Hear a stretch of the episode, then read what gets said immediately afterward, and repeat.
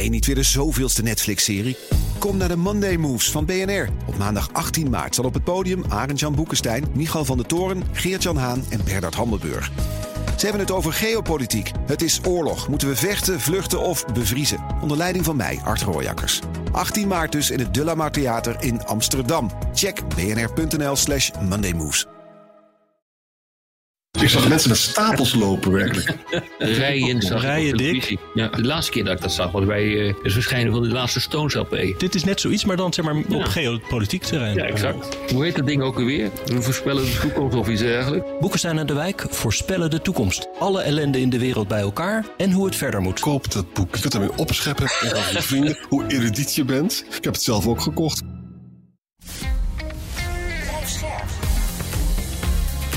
BNR Nieuwsradio. Boekenstein en de Wijk. Hugo Reitsma. Welkom bij Boekenstein en de Wijk. Het is donderdag, dag 666 van de oorlog in Oekraïne. En we hebben vandaag weer wat van jullie vragen. Waarvoor dank. Ik begin bij Joost Hatting met een fijne historische vraag. Hij zegt: Nederland faalt hopeloos op het gebied van defensie. Hoe was dat in de jaren voor de Tweede Wereldoorlog? Hitler was al jarenlang aan de macht voordat ze ons binnenvielen. En het waren toen de buren die een dreiging vormden. Hebben we daar dan niks van geleerd? Inderdaad, daar hebben we niks van geleerd. ja, dat is de tijd van het gebroken geweertje. Eh, toen dacht iedereen, nou, het zal allemaal wel. Eh, en het is typisch Nederlands. Ehm, iedere keer als eh, de, de acute dreiging weg is, dan is het ook gebeurd met de Nederlandse defensie. En dat, dat heeft diepe, diepe wortels. Ehm, ehm, als ik me goed herinner, ehm, eh, de Ruiter, eh, de admiraal, Mhm. die werd op een gegeven moment gevraagd om de, Spanje bij te staan in een strijd met de Fransen. Nou, om een lang verhaal kort te maken. Hij werd op, eh, naar zee gestuurd met een eh, te lichte en te kleine vloot. En Ja. dat had, was eigenlijk hetzelfde fenomeen.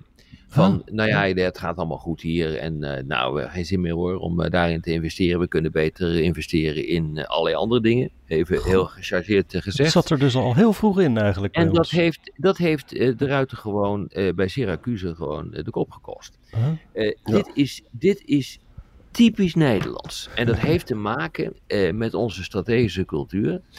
eh, waar van oudsher hele pacifistische elementen in zitten. Het is ook eh, van oudsher redelijk normatief. Dat, he- Hm. Nederland heeft ook een grote bijdrage geleverd, en dat is heel goed hoor, aan de totstandkoming koming van het internationale recht, Mare Liberum. Nederland, dus het vrije gebruik van de zee, van Hugo eh, de Groot. Eh, Nederland heeft ehm, eh, als kleine natie altijd eh, geweten dat ze niet op kunnen tegen de grote Hm, landen mhm. zoals Frankrijk en het Verenigd Koninkrijk. Dus ze moesten dat op een andere manier doen. Dus coalities hebben we altijd gesmeed. Recentelijk nog vanaf de Tweede Wereldoorlog met de Amerikanen. En dat betekent dat wij een hele andere kijk hebben op machtspolitiek. Eh, we doen dat li- liever via praten. We doen dat in coalitieverband. Ja, en daar zijn we ook een soort freerider in geworden. Dus Nederland eh, heeft een, een, een, een grote traditie hoog te houden op dit gebied. Investeren Ja. in de defensie. Om vervolgens tot de conclusie te komen dat het eigenlijk gewoon waardeloos is wat ze hebben gedaan. Ja. Je zou kunnen zeggen, kijk, de republiek was een grote mogendheid. Hè? Dat is een ongelofelijke geschiedenis. En die kon ook heel goed in termen van macht denken. Hoewel daar ook wel een neiging was om zich tot Holland eh, te beperken. Hè? Eh, maar in de 19e eeuw gaat eigenlijk alles mis. Eh, en dan worden we verenigd met België. En dan denken we, nou, we kunnen een grote speler blijven. Maar het is helemaal niet zo. We hebben die grote schuld van de Napoleontische oorlog. En dan wordt er een keuze gemaakt voor een zelfstandigheidspolitiek. Hè? Die later overgaat in een neutraliteitspolitiek. Hm. Nou, dat was echt. Dat vonden de internationale juristen zoiets prachtigs. De gedachte was, als je nou gewoon keurig neutraal je opstelt. Hè, en Van Clevens deed dat ook, hè. Nou, dan komt Wie was Hitler van echt niet. Wie, Van wie Clef- was van Clevers? Minister van Buitenlandse Zaken van Nederland in het oorlogskabinet. Hè, en daarvoor ook, hè. En die zei, als we, als we dat nou keurig doet, gaat u maar rustig slapen, hè, zei Nou ja, maar in de Eerste Wereldoorlog is dat wel Lukt gelukt. dat prima. Ja, lukt de- prima. Dat ja, is ook de een enige- aanleiding geweest. Ja. Ja, de enige reden waarom dat lukte is omdat dus de, de belligerenten het wel graag met ons, bij ons wapens wilden kopen. En het kwam hen wel uit dat wij er buiten bleven. Maar het was dus niet. Uh, de, weet je, de neutraliteitspolitiek is, is gewoon intrinsiek heel erg zwak. Hè? En wij zijn dus ook gaan denken dat wij er buiten konden blijven. Nou, je zou kunnen zeggen dat na 1945 worden we dan lid van het Atlantische Bondgenootschap. Maar die pacifistische, neutralistische houding hm. is altijd een beetje gebleven. Hè? Wij, wij denken dat we er wel buiten vallen. Uh, en Heldering zei ook altijd, weet je wel, van de, Nederlanders denken dat de wereld is een groot Nederland met allemaal mm. aardige mensen. Ja, dat is natuurlijk helemaal niet zo. Dat is helemaal niet zo. Interessant, nou, dat, dat, is heel interessant. Ja. Ja, ik heb een vraag... ligt in Nederland zelf. Ja, duidelijk. Ik heb een vraag een beetje in het verlengde hiervan, van Sander Roten. Die heeft het over de boeken Anticipating Surprise en Warning Intelligence van Cynthia Grabo. Standaardwerken in de intelligence scene. Hij zegt, hoe kan het dat de signalen van de inlichtingendiensten over de EU-veiligheidsdreiging maar niet doordringen binnen het opinie- en besluitvormende kader binnen de politieke gremia? En hoe serieus moet het daarvoor worden om dat wel te doen? Kortom, functioneert het systeem nog voldoende? Nou, het is een fantastische vraag eh, die in het verlengde ligt van de vorige vraag. Uh, men realiseert het zich pas als ze het zien. En als ze ermee geconfronteerd worden. Ik bedoel, hoe lang waarschuwen Boekenstein en de wijk nu al uh, niet? voor wat er allemaal gaan gebeuren. Hebben jullie het idee uh, dat er wat gebeurt? Kijk eens even naar de afgelopen verkiezingen. Daar ging het alleen maar over peilingen en daar ging het alleen maar over binnenlands gedoe op de vierkante millimeter. Daar niemand niemand luistert naar jullie. Nee. nee. nou ja, nee. Ja, een klein deel van de bevolking, denk ik. Maar uh, het, het, het grote geheel van politici zijn echt met andere dingen bezig. En dat ontgaat ze volledig. En dat is echt heel erg gevaarlijk in dit huidige tijdsgewicht. Je ziet het ook uh, met betrekking tot, uh, tot de inlichtingendiensten zelf. Iedere keer worden grote dingen gemist. Dus dat heeft niet zozeer te maken met politiek, maar dat heeft te maken met hoe bureaucratieën werken. 9-11, de grote aanslagen van Al-Qaeda op World Trade Center in New York, Pentagon in, uh, in Washington. Alle punten waren aanwezig. Alleen hoe je die punten met elkaar moest verbinden, dat lukte maar gewoon niet. En dat werd dan ook afgeserveerd. Het meest recente voorbeeld is Israël. echt Israël op uh, ja. 7 oktober uh, jongsleden. Alles was aanwezig. Men wist dat het komen ging en men negeerde het. Ja, het heeft ook te maken met het feit dat men zich dat men te veel met zichzelf bezig zijn. Maar het heeft ook te maken met cognitieve dissonantie. Dat is iets uit de hm. psychologie. Waarbij je eigenlijk uh, wel weet uh, dat iets aan de hand is, maar je negeert het bewust. Uh, of misschien ook zelfs wel onbewust. ja, het is, niets menselijks is, ja, is politici vreemd. Maar dat geldt natuurlijk ook voor bureaucraten die zich hiermee bezighouden. Of, of bureaucraten in de kruismacht, in de inlichtingdienst. Overal zie je gewoon dit fenomeen. Israëliërs wilden het gewoon niet geloven dat het zou gebeuren. Het was zo erg.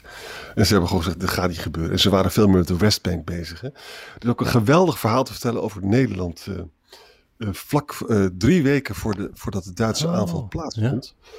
Of ik geloof misschien wel een paar maanden. Er zat een adjudant of een major op de, ja. op de Nederlandse ambassade in Berlijn. En die had toevallig, kreeg hij daar reuk van wanneer Hitler het zou doen. Ja. En hij is toen, hij is gaan telegram, telegrammen gaan sturen. En uiteindelijk is hij wanhopig in de trein gestapt. En ze hebben hem gewoon niet geloofd. Ja. Ma Major van Sas of zoiets. En hij had gelijk, hè, geloof ik, tot op de, op, de, dag precies. Ja, ja. Nee, maar kijk, het, het, het, is, ik vind het een fantastische vraag. Want dit is natuurlijk ook een deel van mijn ergernis altijd. Omdat uh, je probeert te duiden.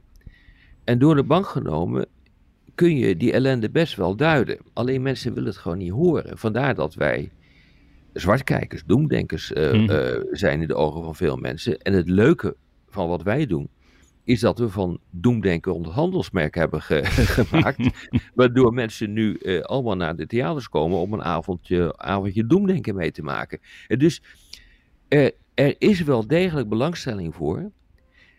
Alleen niet bij iedereen. En degenen die erover gaan, die weten het misschien wel, maar die zijn echt onmachtig om je handen en voeten aan te geven. Ja, mensen zijn gewoon te optimistisch, lijkt het. Maar wij, wij rammen dat er wel uit op een gegeven moment. Uh, zo is het. We blijven gewoon doorgaan hoor. Ja. hey, uh, ander punt. Uh, vraag van, oh, daar heb ik de naam even niet van staan, maakt niet uit. Sander, Sander Roten. Nee, die hebben we net gehad. Deze, deze, dit was oh. over, over Israël.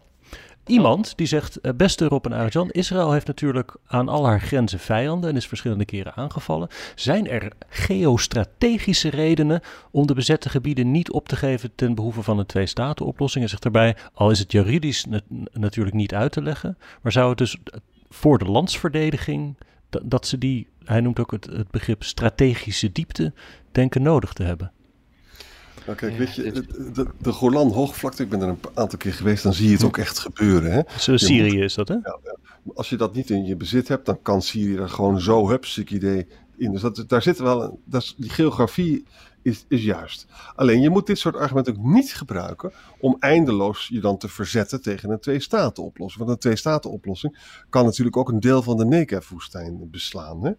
En zo wordt het vaak natuurlijk wel uitgelegd, met name door die radicalisering van de afgelopen tien jaar. Maar die meneer heeft gelijk dat het inderdaad zo is dat die Golan-hoogvlakte. Uh, dat als, ja, dat is, dat, dan, dan heeft dus, is, dat kan heel moeilijk dat eigenlijk uh, verdedigen zonder dat ze die hoogvlakte bezitten. Nou, een analoge redenering kan je natuurlijk doen met die uh, westelijke Jordaan-oever. Maar hm. nogmaals, denk dan wel aan een plaats voor, voor een, de twee-staten-oplossing. Hm. Dat, dat hoeft natuurlijk elkaar niet uit te sluiten. En dat doet het nu, natuurlijk wel.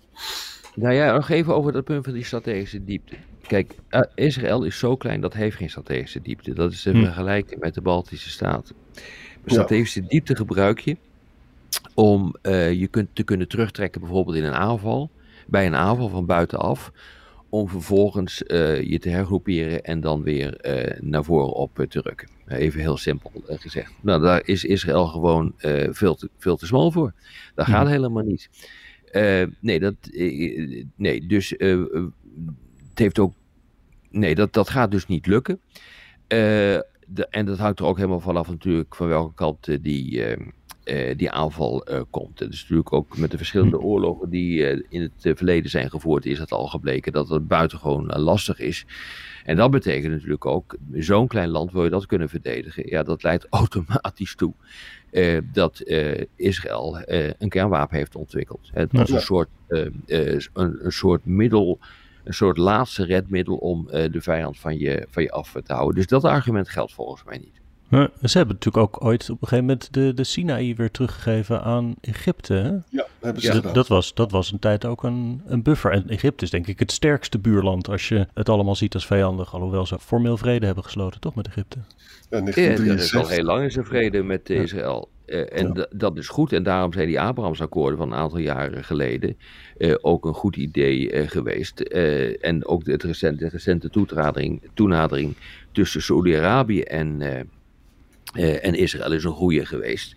Want daarmee reduceer je ook gewoon de kans dat er een oorlog uh, komt. Dus daar moet Israël het wel van hebben hoor. Ja. Oké, dus het antwoord is nee. Er is uh, ook niet een geostrategische reden om de Palestijnse gebieden toch maar te houden. Ja, door een kernwapen, hè? dat is belangrijk. Dat is een belangrijk punt. Ja. ja. Want dat heeft, nee, dat is, dat is er volgens mij niet. Nee, ik kan hem niet bedenken in ieder geval. Maar, maar het is wel een leuke vraag.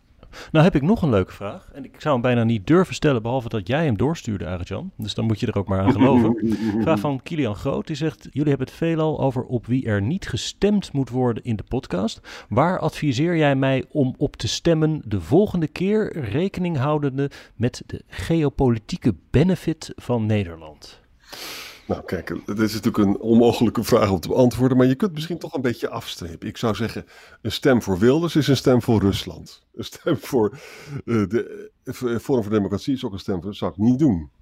En verder moet je dan gewoon kijken naar de buitenlandwoordvoerders van de belangrijke partijen die zinnige dingen zeggen.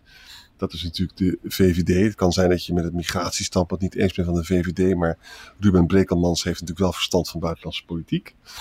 Ik vind uh, Bontebal een echt een aanwinst. Hm, CDA, ja. Als je uh, geïnteresseerd bent in, ook in een federale oplossing van Europa, dan kan je bij Volte terecht. Hè? Hm, hm. Uh, als je echter weer wil dat Europa niet groot wordt, dan moet je bij de ChristenUnie zijn of bij de SGP. Maar ik vind dat zelf, dat is niet mijn standpunt, maar dat zijn mensen geheel vrij in om dat te kiezen. En als je een, een sociaal-democratische buitenlandse politiek, hè, dan is bij die, die partij, PvdA, heeft natuurlijk veel kennis. Hè, Kati Piri, Timmermans hm. zelf. Dus moeten mensen zelf maar uitvogelen. Ik zou niet uh, gaan voor Baudet of Wilders, maar dat hadden de luisteraars al begrepen, denk ik. En volgens mij, ik heb je ook eerder wel wat teleurgesteld gehoord in NSC, wat natuurlijk een belangrijke partij gaat worden waarschijnlijk in een nieuwe coalitie. Ja, maar uh, um, ik vind wel dat Casper Veldkamp heeft veel uh, buitenlandse politieke kennis. en het is allemaal een, we leven nu in wat ruige tijd. Ik heb nog stil, steeds de hoop dat hij gematigd blijft. Hè? En ook ten aanzien van de EU. En, uh, en, en, ik wil hem ook graag in de podcast hebben, overigens. nee, maar misschien nog even een, een, een extra opmerking. Kijk, uh, als je het hebt over bestaanszekerheid. En uh, iedereen vindt dat denk ik heel erg belangrijk en dat moet er ook zijn. Dan is het wel zo dat je moet realiseren dat die in belangrijke mate in het buitenland wordt bepaald. Hm. als wij ons afscheiden van de rest van de wereld, dan is het ook gebeurd met onze bestaanszekerheid, omdat wij een van de meest open, meest geglobaliseerde landen zijn van de wereld. Nou, dat is iets wat een aantal mensen gewoon niet willen. En daarom stemmen ze ook op bepaalde partijen. Maar daarmee stem je dus ook tegen je eigen welvaart. En uiteindelijk ook tegen je eigen veiligheid. Kijk, internationale betrekkingen en de plaats van je land in die internationale context.